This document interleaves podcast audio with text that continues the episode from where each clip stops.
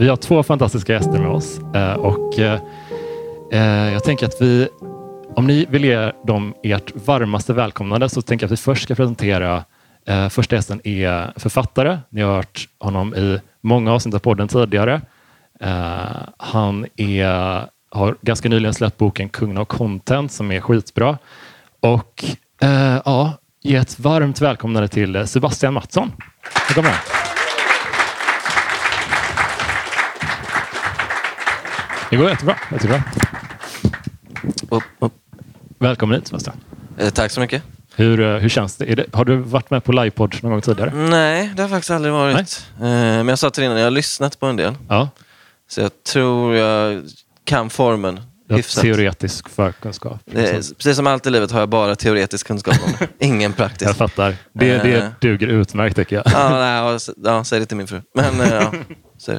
Jag fattar. Hur känns det att ta sig an eh, Carrie? Vi har ju gjort, du har varit med i många Ja. poddens avsnitt tidigare. Mm. Vi har släppt 37 avsnitt nu tror jag. Mm.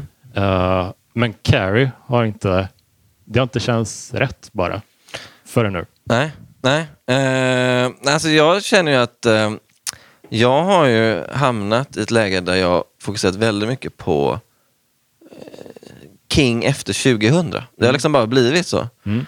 Så jag är, nu har jag läst ändå en del böcker. Mm. Kanske 3 procent av vad han har gett ut, men ändå typ 10 böcker eller någonting.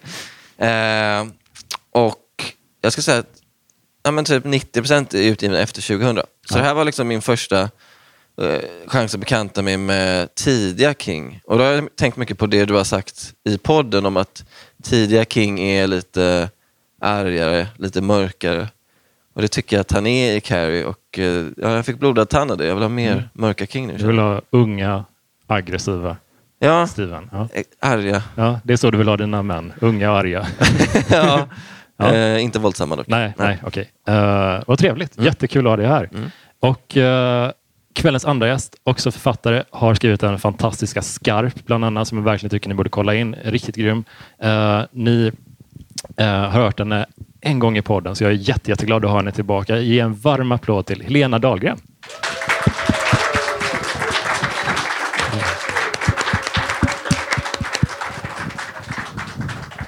Hallå! Hej! Alltså, outfiten är Ja. ja. oerhört passande. Ja, oerhört det passande. var ju antingen det eller en vinröd sammetsklänning. Ja, Eh, Och det här var det jag hade hemma. Så Ja. det det. vad härligt. Hur känns det för dig att få snacka om Carrie? Så här, eh, Nej, men det känns helt otroligt faktiskt. Ja. För att Carrie är ju en gestalt som jag har burit med mig lite grann hållit i handen genom livet som en Ja. slags, eh, slags kraftdjur kan man Mm. säga. Hon är ju lite så här utstötta tjejers eh, galjonsfigur. Mm. Eh, och jag brukar faktiskt ibland när jag pratar på högstadieskolor inleda med en bild på Cissi Spacek med grisblodet på sig. På tal om det, jag ska kolla så det inte finns någon hinkar. Nej, det verkar lugnt. Hör någon gnisslar. här. Ja, nej, men det ska bli jätteroligt, för jag har läst den flera gånger. Mm. Både som ung och lite yngre nu. Då. Mm. Men det var ett tag sedan nu som jag läste om den senast. Så det ska bli Mm. jätteroligt, och, Så himla kul. verkligen. Eh, ja, men det känns som en sån bok som man har... eh, har ni, kan ni applådera om ni har läst Carrie? Härligt, kul, snyggt. Eh, ja, men det, det känns som en sån eh, bok som man bara har läst den när man var, var väldigt ung och sen så var jag så glad att få komma tillbaka till den nu. Och jag var precis som du ganska chockad över hur, hur hård den var. Alltså inte, inte våldsmässigt utan mer så här eh, hur, eh, hur elaka han lät alla vara på något vis. Så, så det var ju en stor, en stor chock för mig. Nej, men också tycker jag att, ehm, alltså vi kommer väl komma in på slutet sen, men att ja, man, man känner så här att när, vi kan väl spoila va? Ja. Kan. så. Annars kan vi lika gärna är gå hem, känner jag. svårt, eller? Extremt svårt. Nej men när eh, Carrie har sin, sin rampage eh, och eh, dödar i princip hela staden. Då tänker man att okej men då blir det en, en sån grej att hon girlbossar sig genom stan, dödar alla, får hämnd, allt är bra. Men sen hennes slut är ju typ det mörkaste jag läst i King-väg.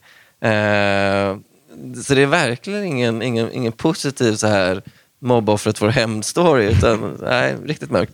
Jag tänkte mycket på, på Lovecraft när jag läste den där. Han nämner också Lovecraft. Hopplösheten i Ja, hopplösheten som jag, som jag inte märker av i senare King på samma sätt. Nej. Ja, just den här nästan kosmiska skräcken. Ja. Och det tycker jag är så fint också med hela upplägget. Eh, För det är ju en metaroman också. Mm. Det finns ju otroligt många olika perspektiv i Carrie. Bland annat vittnesmål från eh, olika vetenskapsmän och det finns tidningsartiklar. Det finns urklipp från Sue Snells självbiografi. Just Som man ju vill läsa faktiskt. Verkligen. Eh, och allt det här är ju hopklippt i en väldigt tät och kort liten bok. Alltså med King-mått så är det här nästan en novell. Ja. 225 sidor. Jag har sagt, om man skulle lyfta bort alla de här eh, eh, vetenskapliga Mm. eh, anteckningarna, dagboksanteckningarna, och så här, då skulle det vara liksom 50 sidor kanske. Ja. det. Det, det är väldigt lite Mm. Ja. klassisk eh, King story. Nej, Jag tycker också det är väldigt imponerande att en, en debutroman är berättad på det okonventionella sättet. Att liksom det är så han börjar. Men vad vet vi om bakgrunden? Det- Det känns som att du har koll Ja, på... Ja. jag vet inte vad jag åt till frukost i morse, men det här har jag koll på. Eh, nej, men Carrie var ju från början tänkt att bli en novell faktiskt. Och vid den här tidpunkten så bodde Steven med Tabitha och Joe, som jag tror var sonen som var född då, i en trailer. Han eh, hade två jobb som eh, engelsklärare på high school och eh, jobbade på tvätteri på nätterna. Och eh, drygade ut kassan genom att skriva skräcknoveller till diverse herrtidningar. Bland annat Cavalier. Som också finns med faktiskt i Carrie, Ja, den här puben. Eh, Så tanken var från början att han skulle skriva en skräcknovell om en tjej som hade eh, telekinesi. Men han förstod ganska snabbt att eh, det här kommer bli någonting längre. Jag kommer passera de- här berömda tecknen som man får publicera i tidningar. Så han fortsatte skriva, men han var absolut inte nöjd. Han tyckte det var skitdåligt, rent ut sagt. Och här är det faktiskt väldigt nära att vi aldrig fick någon Carrie. Eh, För att han gjorde faktiskt så att han slängde manuset i soptunnan. Eller papperskorgen i alla fall. Ja, jättedumt verkligen. Men då har vi ju Tabitha som hoppar in som en räddande ängel. Och eh, troligtvis ganska van vid att fiska upp sin mans eh, halvmisslyckade... Ja, precis. I papperskorgen. Och hon läste det här och sa, vet du vad, jag tycker det här är skitbra. Jag vill läsa klart det här. Men ni som båda författare, kan ni känna igen er i det här att man bara, fan vad jag hatar det här. Jag kastar det bara. Gud ja. Sebastian bara, nej, jag har aldrig. Eh, nej, alltså, jag upplever att man har något, jag vet inte hur du känner, men att man har ett storhetsvansinne när man skriver det och tänker det här kommer förändra svensk litteratur i grunden. Och sen eh, går man tillbaka två månader och typ det är knappt läsbart. Alltså, det, det, det är den fasen då när man liksom Mm. kollar tillbaks på det. Då, känns det då känns det skit. Men jag tror att grejen är att Stephen King kan slänga saker för han har så många idéer. Jag har så få idéer att jag får spara typ allt jag liksom kommer på. Jag har liksom inte råd att slänga saker. Alltså, jag, jag läste någon grej om, eh, om ni får jättegärna rätta mig om det här inte stämmer, men jag, jag, förstod det som att när han hade breakat med den här boken och den hade liksom pocketutgåvan har sålt skitbra. Mm. Miljon, Filmen kom två år senare. Den sålde typ i fyra miljoner exemplar. Och, sådär. och, och då, då gick han in i en sånt skov typ, där han skrev två romaner på ett halvår. Och det känns som att han aldrig lämnade det skovet. Det är liksom som att det, bara, det bara tuffats på. Ja, men precis. Jo, men det stämmer. Jag tror att de romanerna han skrev då var Salem's Lot och sen en roman som heter Blaze. Var det kom- Blaze? Ja. Eh, Men han den skrev- kom inte förrän typ Nej, två- precis. Den kom ju som Richard Bachman-roman sen. Mm. Långt, långt efteråt. Men han skriver i alla fall om det i jag tror efterordet till Different Seasons. Ja. Så att han hamnade i en slags maniskt skov där. Där han bara skrev och skrev. Det var väl också där någonstans som hans förläggare insåg att okej, vi har en skräckförfattare på halsen här. Mm. För då pitchade han först eh, Salem's Lot och sa att Nej, men nu är det en roman som eh, en parafras på Dracula som handlar om vampyrer i en småstad i Maine. Jaha, kul, sa hans förläggare Bill Thompson på Doubleday. Eh, och så började han berätta om nästa idé han hade som handlade om ett hemsökt hotell. Och då började han se lite dyster ut. och då insåg han att shit, vi måste ju faktiskt marknadsföra den här killen som skräckförfattare nu. Och just på den tiden så, det fanns väl några exempel på framgångsrika skräckförfattare.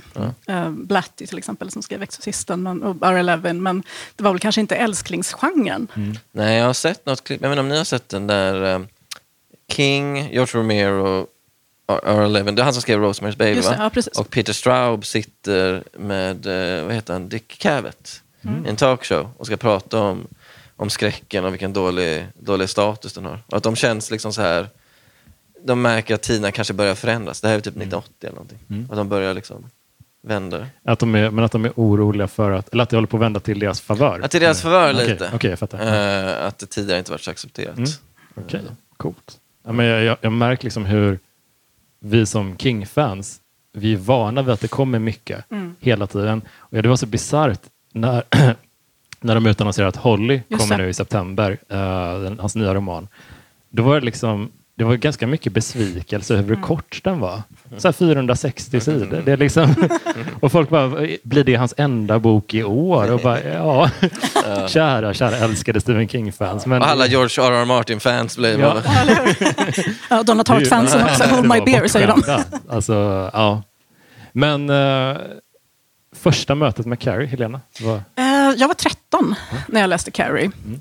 Eh, Jag hade till och med skrivit ner årtalet såg jag i min eh, svenska pocket. Så lite hjärtskärande nästan. Att jag skrev min lilla autograf och så skrev jag året jag hade läst boken. Mm. Eh, Och jag minns att det var en väldigt stor upplevelse för mig. Eh, Just för att eh, Carrie var en person som jag både föraktade lite grann men också kunde känna igen mig i.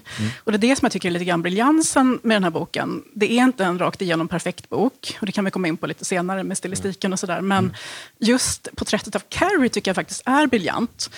Just för att det finns så många olika perspektiv. Vi börjar ju i den här ikoniska duschscenen där hon beskrivs utifrån, eller kanske rättare sagt från eh, sina plågoandars perspektiv. Och där framstår hon som ganska äcklig, långsam, man använder ord som gris, hon hänger med armarna som en apa. Men det är väldigt mycket djur där. Det är ett offerlamm på väg till slaktbänken. Och som läsare så blir man så otroligt frustrerad att hon bara står där och inte gör någonting när de börjar kasta tamponger på henne.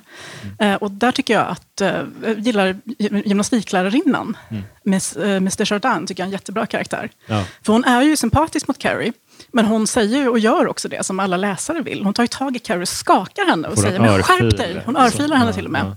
Och det är så jag kände vet jag redan då.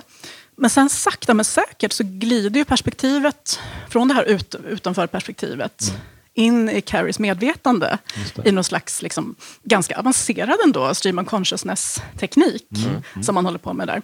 Parentes-tekniken. Ja, men precis. Ja. Stephen King-parentesen som jag tvingade min redaktör att gå med på i min senaste bok. Eh, Och då helt plötsligt så förstår man ju henne. Då är hon ju där som en människa. Och eh, en ganska komplex person med sina rädslor. Man förstår att hon är livrädd för sin mamma. Man fattar hur otroligt traumatiserad hon har blivit av sin uppväxt. Och man fattar också att hon genuint trodde att hon skulle dö när hon stod där Ja. i duschen. Så det tycker jag är så himla snyggt uppbyggt. Att man går från att nästan vara på mobbarnas sida, inte riktigt. Men kanske Nej. så snäll i alla fall. Nej, men man förstår hur de ser på saker. Man förstår hur de ser på det. De vill liksom få en reaktion från henne nästan. Men eh, sen gör ju hon en otrolig utveckling under boken till det här fruktansvärda slutet. Jag håller med om det. Ja, det är det- så jävla bottenlöst sorgligt. Ja, det, vi kan återkomma Ja. till Ja, det måste vi. Det tog Men, men jag tyckte det tog extra mycket eh, när den utgåvan jag läste så var det ett förord där King berättar att det här eh, eh, Carrie, Carrie White, eller Carriette White. Carrietta. Det är så, Carrietta? Mm. Herregud, vilket, Otroligt namn. vilket namn. Um, nej, men att hon är baserad på två verkliga tjejer. Mm. Eh, en klasskamrat till. King och en annan tjej i hans liksom, jämnårig. Eh, och man bara... När man tog med sig det in, Mm. att det finns två alltså, som han har tänkt på väldigt mycket när han porträtterar den här tjejen, då gör, alltså, det gör extra ont på något Mm. Ja. sätt. Alltså, Det är verkligen...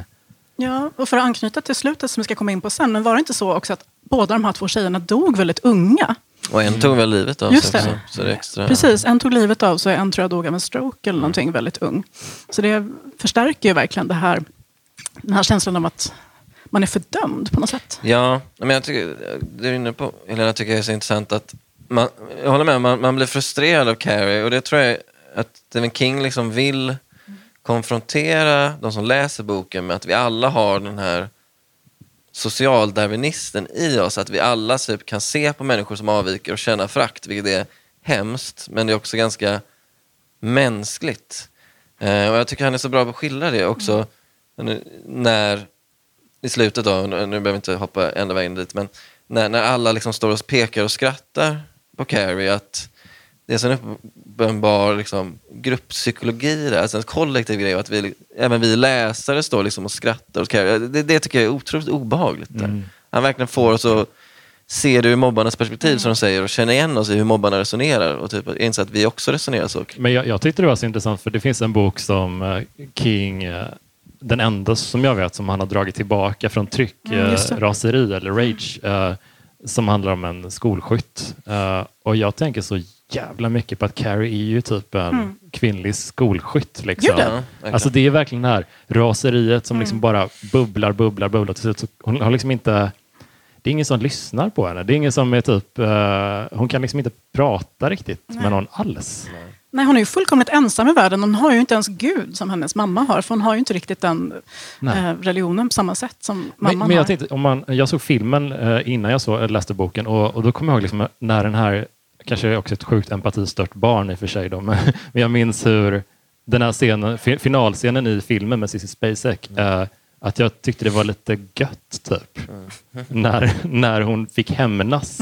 Liksom. Men, och så, så jag såg om den inför den här liksom, livepodden bara för att se vad, vad fan var det jag... Men de porträtterar hennes klasskamrater och alla i hennes omgivning annorlunda som jag minns det i filmen. För att där är det som att alla är antingen mobbare eller tysta medgivare till mobbandet. I boken är det lite, det finns en scen som gjorde så jävla ont. eh, Och det är när hon är på väg till dejten med, med Tommy. Och eh, det är en replik han säger liksom, som ett svar på, hon säger att ah, men vad rolig han var om någon kompis som drar ett skämt. Och Tommy säger typ att ah, det finns eh, många bra människor här också för att ingjuta lite hopp, eh, kanske själv vara lite snäll. Och jag kunde släppa den meningen sen. Den hade liksom etsat sig fast. sen. Klipp till att alla de här bra människorna står och skrattar åt honom. Ja, nej, men det var något hur... eh, Det var så jävla mycket mer tredimensionellt än vad filmen var. För, för filmen känns bara som en... Den har ju sin charm verkligen och den är cool och, och en tidlös. Men det var så, den, är, den kändes trubbigare i jämförelse. Ja, alltså jag boken. minns, jag såg den också ganska sent. Precis som jag läste den här boken sent. Jag minns den som väldigt effektiv. Men Det kanske, det kanske är mest att det är Cissi Spacek som är så bra. Och att Brian De Palma är en kul regissör, visuellt sett. Liksom. Mm. Eh, Och att det är kul med John Travolta. Som också är väldigt olik karaktären i boken. Ja, verkligen. Eh, Billy heter han va? Just. Billy, ja. Just det, Mm. Billy. Men kan vi prata lite om hur otroligt, vi är ju lite inne på det i kulissen förut, och jag, så här, hur otroligt annorlunda Carrie är rent fysiskt i boken. Verkligen. Jämfört med Cissi Spaceks lilla Elva. Mm. Hon skulle ju nästan kunna liksom, ha varit eh, modell samtidigt som Kate Moss, för man gjorde en tidsresa liksom, från Verkligen. 70-talet in till Verkligen. 90-talet. Så att det är egentligen bara hennes troliga skådespeleri Ja. som gör att man tror att hon är hackkycklingen. För du hade kunnat casta Cissi Spacek som en av de populära och man hade typ köpt det. Alltså, så här, Det hade inte varit så konstigt. Vilket leder oss passus till Carrie 2013. Ja. Ja, Alltså, har ni sett den? Nej. ja. Carrie 2013. Alltså det är, det är Chloe Grace Moretz där. Eh, Julianne Moore som mamma. Just det. Det, är liksom, det, det är som alla filmer nu. Det är alltid vackra människor i alla roller hela Ja, tiden. ja. Så jävla Det tröttsamt. finns ingen plats för någon helt normal människa. Det, är- det är otroligt märkligt. Och hon skulle verkligen lika Chloe Grace, men hon skulle kunna vara en, hon skulle kunna vara eh, Sue, hon skulle kunna vara vem som helst av tjejerna. Liksom. Ja. Det, det, ja, jag vet inte. Jag Ja. blir Nej, bara men, frustrerad. nej, men redan i originalfilmen av eh, Brian De Palma så gjorde man ju en glow-up Mm. på Carrie. För i boken så beskrivs ju hon som ganska tjock och finnig. Mm. Eh, Hon eh, är liksom ganska, man beskriver henne som ganska motbjudande. Hennes hygien är inte toppen. Hon syr Mm. alla sina egna kläder. Hon är som från en annan plats och tid nästan. Mm. Verkligen. Så det hade varit intressant att se någon tolkning av Carrie där hon påminner om original-Carrie så som Stephen King hade tänkt sig faktiskt. Ja. Men på tal om eh, misslyckade filmatiseringar och dylikt. Vi måste ju prata lite om Carrie the Musical. Har ni hört talas om den? alltså vilket jävla trainwreck. Skoj, skojar du? Nej, nej, jag, visste jag, den skojar inte. Nej, Va? alltså det här är typ, ja, men det är typ det roligaste jag någonsin har hört om faktiskt. Eh, det finns en fantastisk YouTube-serie där eh, en reporter djupdyker i musikalvärlden Mm. och mer misslyckade musikaler. Och avsnittet om Carrie the Musical eh, kan jag rekommendera alla att se både en och två gånger. Nej, men bara för att ge ett exempel på hur bisarrt det var. Eh, till att börja med så eh, var det ett samarbete mellan Royal Shakespeare Company och eh, några gamla Broadway-rävar, producenter. Och alla kom in från helt olika vinklar. Så att eh, när Broadway-typerna åkte till England, där de skulle göra genrepen, och tittade på första versionen, så gick de fram efteråt och sa att mm, nej, men det här är inte riktigt vad vi har tänkt oss. Eh, more grease, sa de. Uh, varpå de köpte in tågor Så att nästa gång de kom till England för att titta på Carrie, då hade alla på sig liksom vita tågor, som i antikens, antikens Grekland. Man tänkte inte Rydal High. Man kommer ihåg tänkte- dem från... eh, Ja. ja. Mm. Man minns dem Ja. från eh, den klassiska antikens Grekland-musikalen Grease. När man har sett John Travolta i filmen och tänkt Ja. att det är typ som Grease. Ja, man har bara sett handsklippningen, inte resten av filmen. Exakt. Nej, men den, den blev total katastrof och jag tror att den gick tre dagar på Broadway. och ma- man förlorade, tror jag, 7-8 miljoner dollar, vilket på 80-talet var ganska mycket.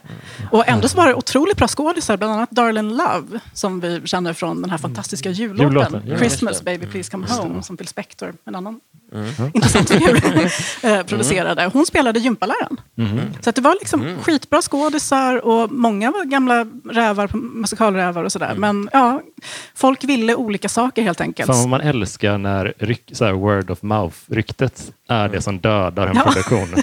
Men det är inte också så, vi, vi pratade lite om det att så här, recensenterna betyder så otroligt jävla Mm. mycket på Broadway. Att, att de kan, jag baserar bara det här på filmen Birdman, men att de typ kan stänga en show. Mm. Alltså så här, efter tre dagar bara, om de såg en. Det. Det. är inte riktigt samma sak med filmer, typ Morbius, din favoritfilm. Just det. Eh, fick jättedåliga recensioner men kunde ändå liksom spela in hyfsat mycket. Typ. Ja, man blir lite äcklad av hela den Morbius-rörelsen så här i efterhand. Ja. Ja, men eh, ja, jag var en del av det. Jag skäms Ja. väldigt mycket över det. Men det är intressant, för det hade ju kunnat funka så bra, Ja. Carrie och musikal. För att det, det är ju så otroligt mörkt och känslostarkt och det finns de här tre otroligt ikoniska scenerna. Vi har duschscenen, vi har grisblodet på scenen och vi har slutet eh, med elden som omger Carrie. Så det hade ju kunnat bli svinbra. Men då Ja. snålade de in på blodet också, så de kom liksom med en liten matsked blod som de hällde på henne. Det blir inte riktigt samma sak. Vad fan. Ja. Skär ner lite på Darlene Loves lön. Exakt. Det är det som är problemet. Precis.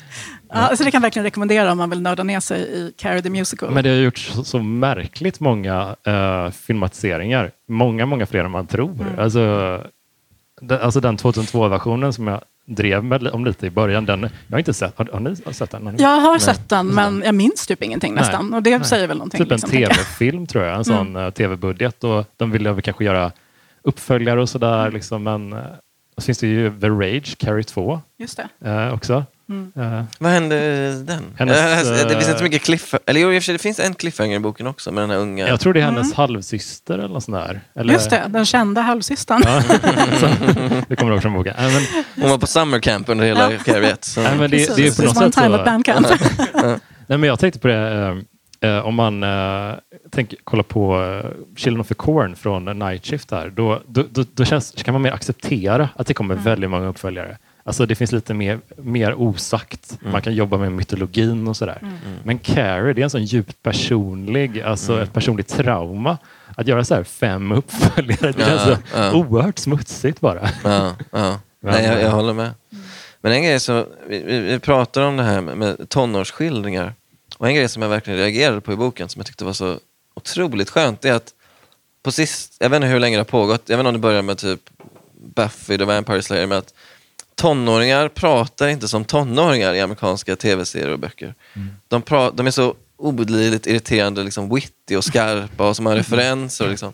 och i den här boken pratar de verkligen bara som lite äldre barn. Alltså de pratar som tonåringar gör. Mm. De är liksom inte superskarpa, de, är inte, de liksom refererar inte till repliker i Moby Dick. Utan de är liksom helt, de är liksom helt normala tonåringar. Och det, Ja. det var så otroligt Fast- eh, skönt. De är liksom, Du känns som att du hade refererat mycket till Moby Dick när du var 15. Ja, jag var mobbad av det skälet, inte för att jag hade dålig hygien. Nej men, ehm, nej, nej, men jag tyckte det var så, det var så skönt. Och de, är liksom så här, de känns som, eh, i, alltså, i positiv bemärkelse, eh, medelmåttiga. Alltså, de är så här vanliga tonåringar. Och det, det- det, får man, alltså, den här 13 reasons why, även om någon har sett den på Netflix. Alltså, de, de tonåringarna klarar inte av det. De pratar som 43-åringar.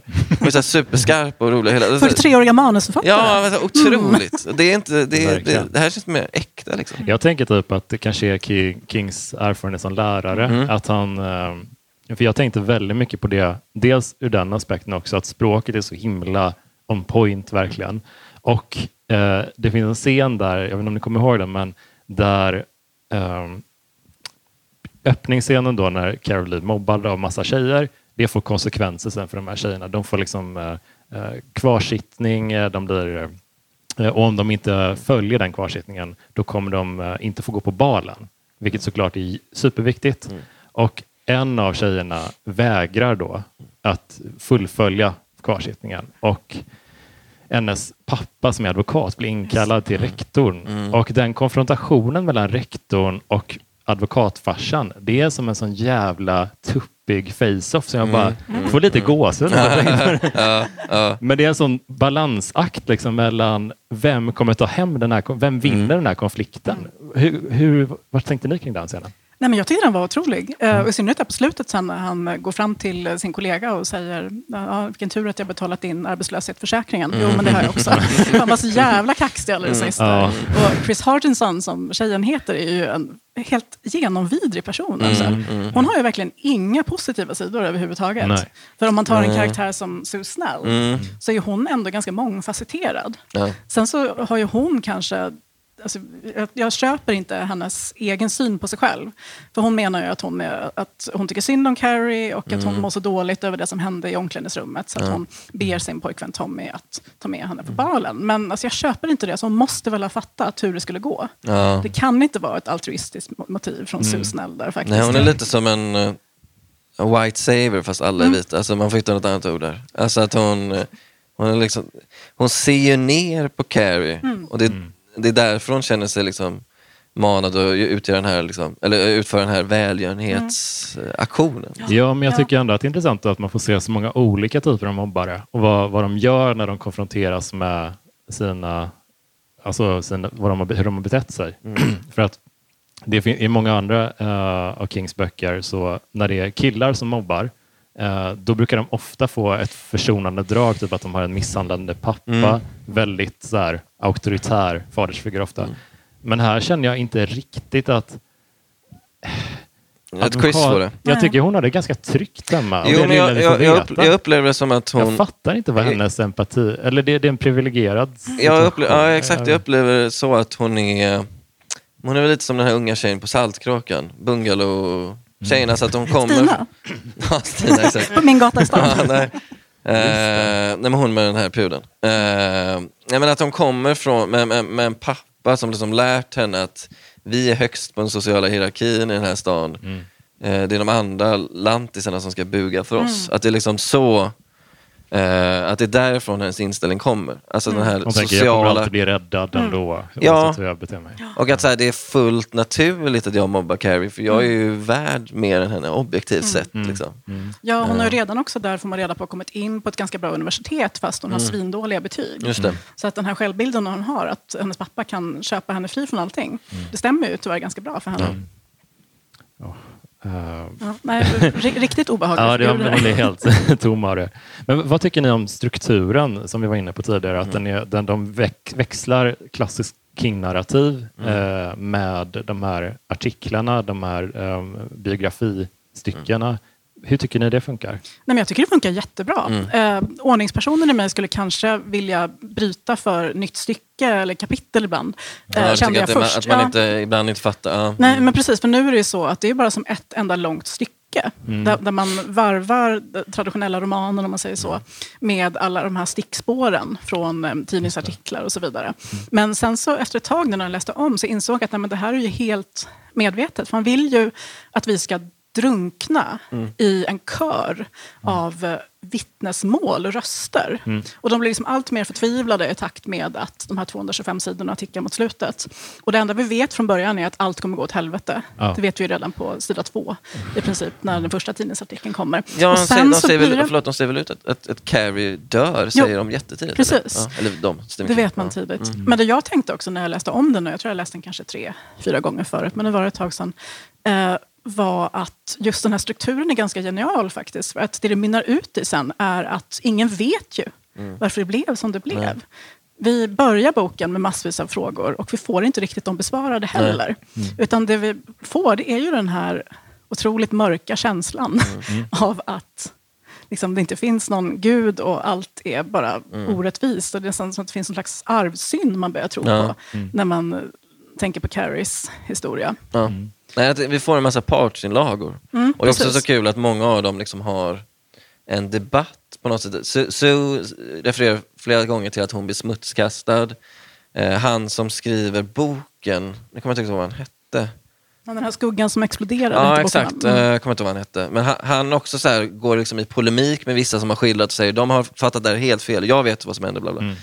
Så, så som du säger, vi får liksom ingen entydig bild av sanningen utan det är något sjukt som har hänt. Mm. Och vi liksom försöker sortera i efterhand vad exakt det är som har hänt. Men jag tycker det är, jag reagerar särskilt på mot slutet när eh, några av artiklarna där börjar prata om hur ska vi göra om det här, hur ska vi isolera den här genen som Carrie verkar besitta. Vi, det verkar som att det framförallt är kvinnor som får den.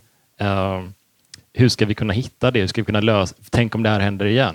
Det bryr de sig om, men de, de bryr sig inte någonting om hur ska vi kunna förebygga Nej, hennes precis. fruktansvärda livsöde. Liksom. nej. Det är liksom inte, inte ens en issue. Nej. Nej, men det nämnde man nästan bara i förbifarten. Det, man accepterar bara att så är det. Det här kommer alltid vara. så. Folk kommer alltid vara elaka och vi får bara... Alltså det är så jävla slappt bara. På något sätt. Man blir så jävla irriterad. Man blev förbannad. ja. Nej, men det är väl lite den här eh, samma tematik som i X-Men. Att eh, de avvikande ska isoleras och tryckas bort. Mm. Och liksom, vi ska liksom fånga in de här eh, flickorna eh, tidigt och bara isolera dem så de inte kan skada någon. Liksom. Ja. Ja.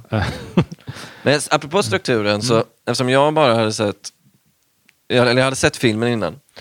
Eh, och så kom ju prom night-kapitlet, eller delen, kom ju efter, jag tror min bok var 250 sidor, så här, det kom liksom efter 125 sidor. Så jag tänkte så här, okej du kan ju inte ägna 125 sidor åt det här, så då måste det hända något mer i slutet.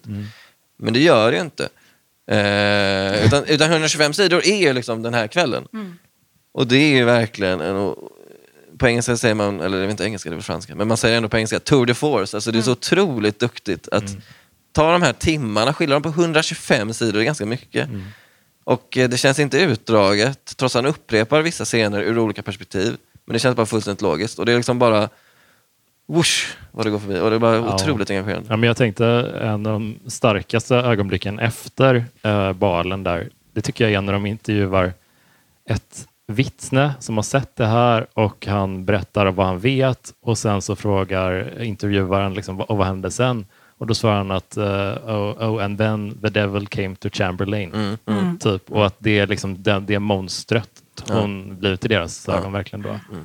Fun fact förresten, på tal om det. Mm. Eh, I ett väldigt tidigt utkast så slutade det med att man faktiskt skulle se djävulshorn på Mm. Carrie där i slutet innan eh, hon dör. Men det plockade förläggaren bort. Mm. Ja. Det kanske var bra. Ja, alltså, Ja, Fast ganska Ja. snygg symbolik. ja, ja, absolut. Jag hade köpt det. Men, ja. spännande. Ja, men det är om man köper då Carries mammas bild av det. Mm, precis. Eh, men jag upp, alltså, för, intressant, för jag upplever inte att boken köper den premissen. Eller, eller tänker man att liksom, det är djävulen som har gett Det skulle Carrie... förstärka den här ny, ganska nya fan-teorin att Ja. det är Randall Flagg som är hennes Just det. pappa. Mhm, Ni är bekanta med spännande. den teorin? Nej, Den känns, den känns lite halvdant un- underbyggd ärligt talat. Om man, om man, inte han pappa till alla typ känns det ja, det känns. Enligt olika teorier, beroende på Alltså vilken man tror på. Jag tycker inte om den teorin, för att på något sätt då, då är det ju... Då är man liksom mamman och samhället rätt i att det är något ondskefullt, inbyggt Nej, jag tycker inte hon är. Carrie. Jag ty- Carrie tycker jag är ett offer. Alltså Ja. till 99 procent. Och sen så, jag tycker typ, jag vet inte, jag tycker inte så sy- synd om alla när, när hon det var ju det som, det är det samhället Ja. de har skapat. It takes a village to raise a child. Alltså hela den grejen. Ja. De har ju had it coming. Alltså de har, alla, ingen kan ha undvikit att se att det här är liksom Nej. ett barn som håller på. Ingen har ringt SOS, ingen har liksom Nej. försökt att hjälpa till. Okej, då blir det Precis, så här. då blir det så här. Tyvärr, tyvär. Ja, men det kommer det kommer ju massvis med vittnesmål efteråt. Ja, alla har ju sett henne. Ja. Alltså, alla vet vem eh, hennes mamma är. Ja, den där fruktansvärda scenen när Carrie var liten och var ute i trädgården där. Fruktansvärt. Jag var tvungen att bläddra lite snabbt faktiskt. Oh, men, men vad tycker ni om eh, när hon kommer tillbaka från balen och eh, hur hon tar livet av sin morsa? Det skiljer sig väldigt mycket från i filmen. I filmen är det väl så att hon korsfäster sin mamma eller någonting. Just det. Där kan jag tycka att, det är ju övertydligt såklart, men jag tycker att den funkar lite bättre än motsvarande scen i boken, för den är så eh, ospektakulär. Hon får liksom bara hennes hjärta att sluta slå. Eller det kanske också, hade jag inte sett filmen hade jag kanske inte tänkt på det, men jag, jag, jag blev lite besviken. Jag tänkte, va? Är det bara liksom så? Ja. För att korsfästningen, visst det är övertydligt, men det är, man kan också säga att det kanske är Carries på något sätt lite ironiska mm, blinkning till mammans religion. Att nu, nu, får, nu dödar jag dig med liksom dina egna vapen på något sätt. Ja, alltså, jag tyckte nog, jag var lite överraskad över hur, hur han hanterade hennes, uh, hur hon plockades ut ur, från spelplanen. Liksom, för att, det, att hon saktar ner, känner du ditt hjärta mamma? Mm. Så går det lite långsammare och lite långsammare. Att hon liksom inte bara pang släcker Mm. allting utan hon, det är en sån maximal kontroll hon besitter nu. Jo, det är i och för sig intressant. Hon har liksom, det är Hon som att hon har, hon har den här förmågan, den har liksom läckt lite ofrivilligt. Mm. Löpande och helt plötsligt har hon sån där fingertoppskänsla exakt Mm. hur hon ska göra. Så Dr. Professor X hade varit stolt. Ja, jag vet inte, han dödade väl inte så många, så jag vet inte hur stolt han hade Nej, varit. Magneto hade varit stolt. Magneto hade varit Ja, stolt, absolut. Ja, det är sant. Eh, ja. Nej, jag vet. Men ska vi prata mer om mamman specifikt? Jättegärna. Eh, hon är ju väldigt intressant. Uh, också hur hon... Jag försöker komma på, hur, hur, hur har liksom King skildrat religiösa människor efteråt? Mrs Carmody i The Mist det är väl någon slags också- eh, naturlig ja. fortsättning Ja. på eh, Margaret White, Ja. eh, tänker jag mig. Alltså, det känns inte som att King är så förtjust i religiösa fanatiker. Nej. direkt. Men jag, tror, jag, jag, jag förstår hur ni tänker, men jag tror att om man kollar på till exempel um, Mother Abigail från Mm, mm. Stand. Ja, alltså, hon ja, jag, tror han ändå, jag tror att han har en sån syn på kristendom som är typ att ja, men så länge du är en rimlig person och inte Precis. blir... eh, Hon är ju jättekristen, Mm. Mother Abigail. Hon är en av de kristna. Hon är också, hon är förlåtande, vilket är ett ganska centralt budskap inom Ja. kristendomen, vilket Carries mamma inte riktigt har plockat upp, får man ju säga. Alltså, Nej, inte- precis. inte riktigt. Också den där bisarra ödmjukheten hon besitter. Eh, om ni kommer ihåg vid Stand, liksom att hon bara Ja. helt, alltså, de är typ mitt i ett pågående kallt krig med den andra fraktionen, Randall Och djävulsgäng. då drar hon för att hon, Hon bara går ut i öknen. hon tycker att- att hon har svikit Gud. Ja, hon tycker att jag har blivit för högmodig. Mm. Jag måste lida lite. Mm. liksom, det var fan. Eh, så det är den typen av självplågeri man måste ägna sig Alltså, Vilket Mm. i och för sig Margaret också Ja, men det är fel med. sorts självplågeri kanske. Ja. Jag läste en jätteintressant um, essä av skräckförfattaren Grady Hendrix, eh, som jag kan rekommendera om ni inte har läst honom. Eh, han har skrivit Horror Stir bland annat och nu senast How to Sell a Haunted House. Och eh, där argumenterar han för att Carrie dör i slutet av egen vilja därför att hon inser att hon har blivit sin mamma. Att hon inte har lyckats hålla undan det, det här liksom totala hatet och föraktet som har förbittrat mamman ut, utifrån och in. Så att när hon inser det och när hon också dödar sin mamma så ger hon upp. Lite som Laura Palmer i Twin Peaks, att hon egentligen hade kunnat överleva om man ser till de fysiska skadorna hon får Ja. när hon blev mördad. Men jag tror det är Aiden Cooper som sen säger att eh, hon eh, dog av skräck. Just det. Lite så med Carrie också kanske. Ska vi prata om Carries dödsscen eller? ja, absolut. Men där är också den den Lovecraftianska hopplösheten. Där skiljer sig eh, filmen Hur, 76. hur, hur, hur slutar filmen? Jag minns inte. Där är Sluta det på kyrkogården. ja, handen som sticker upp i graven. Ja, Eh, det, är, ju- det är väl den sista scenen. okej, ja, Ja. okej. Den är lite mer wow, Ja, kanske kommer en tvåa och så gjorde det det. Ja, så gjorde det. Ja, Eh, Nej, men när, när hon dör då så... Den totala hopplöshet, hopplösheten i att först har hon liksom, ja, lite fått sin hämnd. Hon har liksom girlbossats genom stan som sagt. Och liksom eh, bara dödat alla, slaktat alla, fått sin hämnd. Ja. Men så ligger hon där då och håller på att dör. Och den enda hon kan ropa på i, sina, dö- i sitt dödsögonblick är mamman. Som det är det enda hon har. Som hon har dödat. Som hon har precis har dödat, som försökte döda henne. Det är liksom den enda hon har att vända sig till där, där i slutet. Och eh, Det är bara en sån obehaglig skildring av, av, av döden också. Där sakta att så här, sugas upp i, eh, i liksom en svart eh, tunnel. Eh, det är riktigt obehagligt. Och man är och också så äckligt att eh, Sue då som Ehm, det är inte, om, ni, om ni inte minns det så, Carrie har ju också en, en form av, utöver en telekinesi säger man, så har hon någon slags telepati, att hon kan liksom transferera känslor, proje- projicera sin känsloliv in i människor och få dem att uppleva. Så Sue upplever någon slags quasi-död också. Vilket är ännu obehagligare på något sätt. Att hon får liksom en... Och det nämner hon också sen, att hon liksom inte kan släppa att hon vet hur det är att dö och att det liksom fortfarande skrämmer henne trots att hon är typ 20 och hon vet att det är ganska lång tid. Så. Väldigt obehaglig. Det är hennes kors att bära. Ja, verkligen. verkligen. Jag, jag, tycker det, och just att hon ropar på på sin mamma där i slutet. Det, är liksom, det gör att, okej, allt f- all liksom, triumf du fick tidigare blir helt um, negerad där. Utan det, det slutar ändå, det är typ mest synd om dig i slutet ändå. Alltså för jag hade hellre dött som uh, Tommy fick bara en spann i huvudet och dog. Alltså det är väl perfekt liksom. Eller liksom eh, Chris dog i en bilolycka. Mycket hellre det än att ligga sådär. Ja. Alltså dör jag hellre på det mest o... Alltså, så här, men det där är så jävla hemskt. Alltså. Mm. Nej, men den är fruktansvärd. Jag hade Ja. nästan förträngt hela Ja. den scenen. För som jag nämnde där i början så var jag kanske inte mobbad men ganska utstött och kände mig annorlunda i skolan. Så väldigt tidigt så blev ju Carrie på något sätt som slags poster girl för mig. Eh, och där tror jag att jag projicerade väldigt mycket av mina egna önskningar och känslor och tankar. Att eh, okej, ni skrattar åt mig nu på gympan men vänta bara tills, tills balen. Då får ni se. Eh, Sådär. Så jag har liksom gjort Carrie till någonting som hon aldrig var. Så det var lite smärtsamt nu att eh, som vuxen kvinna med tonårsdöttrar gå tillbaka till den här karaktären och inse att nej, men hon var ju aldrig den här girlbossen, som man ändå, den här mörka girlbossen, utan hon dog ju fullkomligt ensam. Ja, för det är också så här taglinen. Alltså dels när man, ser- när man ser liksom stillbilder i filmen så är det ofta att de står där med blodet och då vet man så kommer nästa att okej, ni kan ju skratta åt henne men bzz, typ nu dör ni. Och också på taglinen på boken är väl så här first came the blood, then came the power. Ja, och sen kom ju en, ens vidriga död. Alltså, så Ja, det är liksom så det är ju inte så... Ja, det är, ja. Men också en annan scen som också hemsöker mig. Som jag, där vill jag också fundera hur ni tänker, och också kanske ni i publiken tänker. Alltså där, när alla skrattar åt henne ehm, så beskriver han det som att, eh, det, jag kommer inte ihåg vad hon heter, men hon, hon, det är en överlevande som berättar hur det liksom var på den festen. Att folk skrattade nästan mot sin vilja åt henne när de stod där dränkt i blod. Och då har jag funderat på att Antingen försöker han beskriva någon sån hemsk grupppsykologi, att man så här inte kan låta bli att skratta.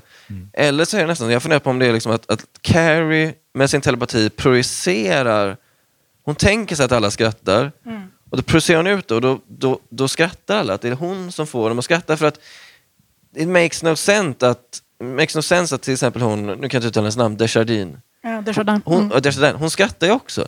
Och det är egentligen helt ologiskt att hon skrattar. Hon känner ju jättemycket med Carrie. Varför skulle hon skratta? Och då tror jag att det är för att Carrie på något sätt får dem alla att skratta för att det, det är så hon förväntar sig att de ska reagera. Och då ser hon det och då får, det blir en självuppfyllande profetia och hon mår ännu sämre och det blir liksom en spiral. För att jag tycker inte det är logiskt att alla hade skrattat annars åt henne. Nej, men jag tänker där, i och med att hon sätter på sin kraft där, eh, typ däromkring, liksom att det, den, det sker på en sån maximal nivå typ, så att hon inte, som hon inte använt tidigare. Så jag, jag tolkar det lite som att hon bara vrider på volymen lite för högt. Liksom. Att hon inte kan spesa exakt vad hon ska göra med den, att det bara händer massa skit. Typ. Nej, men det är en Så- jättefin teori. Där. Jag har nog alltid tänkt snarare att de skrattar på samma sätt som man kan göra nej, men du vet, typ på en begravning. När, när Ja, någonting är så liksom lite med, fruktansvärt? Ja. obekvämt. Man mår så dåligt, man blir så chockad, man vet inte hur man ska hantera. Så man börjar Ja. skratta på helt olämpliga ställen. Ja. Så har jag nog alltid tänkt. Jag tänkte så här att om det skulle hända på riktigt, nu behöver ju inte en roman helt följa i verkligheten, men jag tror ändå att många, många skulle kanske skratta, men många skulle bara springa fram till henne och bara... Ja. Eh, Att det, här, det är det som är en sån läskig scen, att alla, även de som sympatiserar med henne, skrattar och står och skrattar. Det, känns, det är så otroligt obehagligt, vilket får mig att tro att det är något lite övernaturligt inblandat. Jag tycker det är en väldigt bra Ja, jag tycker det scen. Jag, jag, men, som- men, jag tycker det är en av de som gjorde mest ont.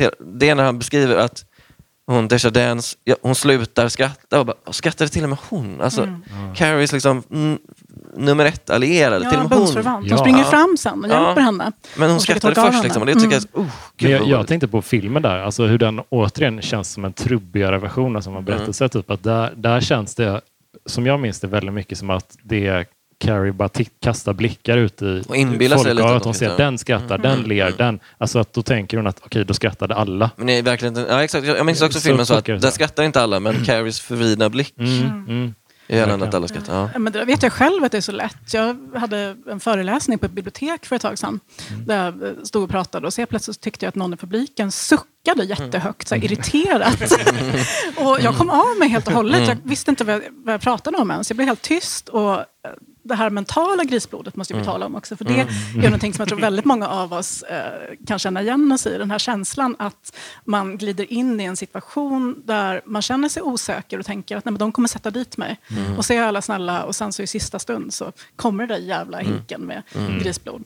Så att det kan jag känna igen mig Sen så efteråt frågade jag en kompis som satt i publiken. Det var ingen som hade suckat. Nej, så att, nej. det är väl samma sak som Carrie där, att man eh, projicerar saker. Måste starta ett punkband. Det mentala grisblodet. Ja? Otroligt bra. Ja, det är väldigt bra faktiskt. väldigt- Ja, men nu var vi väldigt snälla mot boken. Skulle vi kunna säga lite mindre positiva Jättegärna. saker? Jag, jag, jag, jag kan säga liksom att ehm, jag, det var väldigt många år sedan jag läste den första gången och jag tyckte nog inte om hur den var uppdelad. Jag tyckte det kändes som att det bröt formen. Man, man försvann ur Carries liksom, begreppsvärld, liksom, med hennes liv. Att det, det blev det här distanserade som jag bara, men kom igen nu, vad, vad är det? Det, det, det blev ett annat, en, en annan, helt annat språk typ. Mm, Det blir så språket. formellt verkligen. Ja, Så, mm, språket är ju inte bra. Eh, Nej. och det har ju Stephen King själv sagt också. Att han tycker inte om eh, hur han skrev Carrie. Jag tror inte just eh, strukturen, för den tror jag att han är ganska nöjd med. Okej. Men formuleringar som på sida två där när de är inne i omklädningsrummet och flickornas svett är light and eager. Vad är det för någonting liksom? Det är så mycket otroligt- mer adjektiv än det Mycket brukar vara. adjektiv. Eh, ja, jag tänkte också det. mycket adjektiv. Light and eager. Vad innebär det? Ja, vad är det? Ivrigt liksom? svett. Ivrigt att komma ur porerna. det? Ivrigt svett. Nej, men det är så mycket sånt. Och, eh, jag har ju, eh, för ett tag sedan, det är ganska länge sedan nu, kanske fyra år sedan, översatte jag en av hans allra, allra första noveller, som jag tror vi ska podda om någon gång, så jag ska Ja, inte säga ja. för mycket. Men där kan man notera samma tendens till överbelastning när det gäller liknelser. Att, eh, när man läser en nyare Stephen King så tycker jag att man slås av den här lättheten. Att man kan bara luta sig tillbaka och njuta och det bara flyter på. Liksom. Sidorna bara vänds som av sig självt nästan. Men det finns ju inte riktigt här. Utan det finns en stilistisk tunghet som jag också tycker finns i den första Mörka tornet-boken som jag aldrig kommer igenom för jag tycker den är så dåligt skriven. Så det finns, jag, jag upplever också som att en ung man som vill imponera lite och vill vara litterär på ett annat sätt än ja, men i to- 75-åriga Stephen King. Ja, men I tornet så känns det som att han klär på sig en annan eh, personlighet än vad han är. Och sen så tycker jag det tar väldigt mycket fart ur andra. Det, Ja, där, det är den så, första för mig nästan. Men, men jag förstår verkligen vad du menar. Han testar sig fram. Vem är jag? Typ. Lite så. Precis. Det är väl det. Och sen eh, är det ju vissa formuleringar om, eh, om övervikt som, in, som jag tror att han ändå hade putsat bort, eller förlaget hade putsat bort nu. Som, det är inte riktigt så man beskriver överviktiga människor som han gör. Även, det, det, det är en sympatiserad bild med, med, med Carrie. Men det är också så här narrativt att hade du bara gått ner lite i vikt så hade ditt livet mycket bättre. Gör det, typ. Att det finns liksom den, den, den sensmoralen. Uh, jag det är ett, ett fint eh, porträtt av en ung tjej. Eller ja, ja eh, alltså eh, det tycker jag. Och, Men det känns ju men, starkt ja. som författare att debutera. Eh, han var väl typ nästan 30 i alla fall, men kring 30. Att Lite debutera- yngre va? Han inte- Kommer inte han 74? Ja, precis. Han var Just 27. det. Ja, men att, han, att han debuterar med en roman om unga tjejer. Liksom, Mm. alltså, alltså deras värld, 100 procent. Det, det är så, känns modigt. Ja, verkligen. Jag hade aldrig vågat skriva en bok om... Nej, och Jag, Alltså, kan det, säga, jag som har varit en ung tjej och liksom levt i den miljön med eh, omklädningsrum och eh, duschen och så. Han har ju verkligen, han har verkligen nailat det. Mm. Eh, Inte för att det brukar kastas tamponger i, i duschrum, i alla fall inte i sådana som jag har varit i. Men han, eh, det är verkligen en trovärdig skildring av unga tjejer. Mm.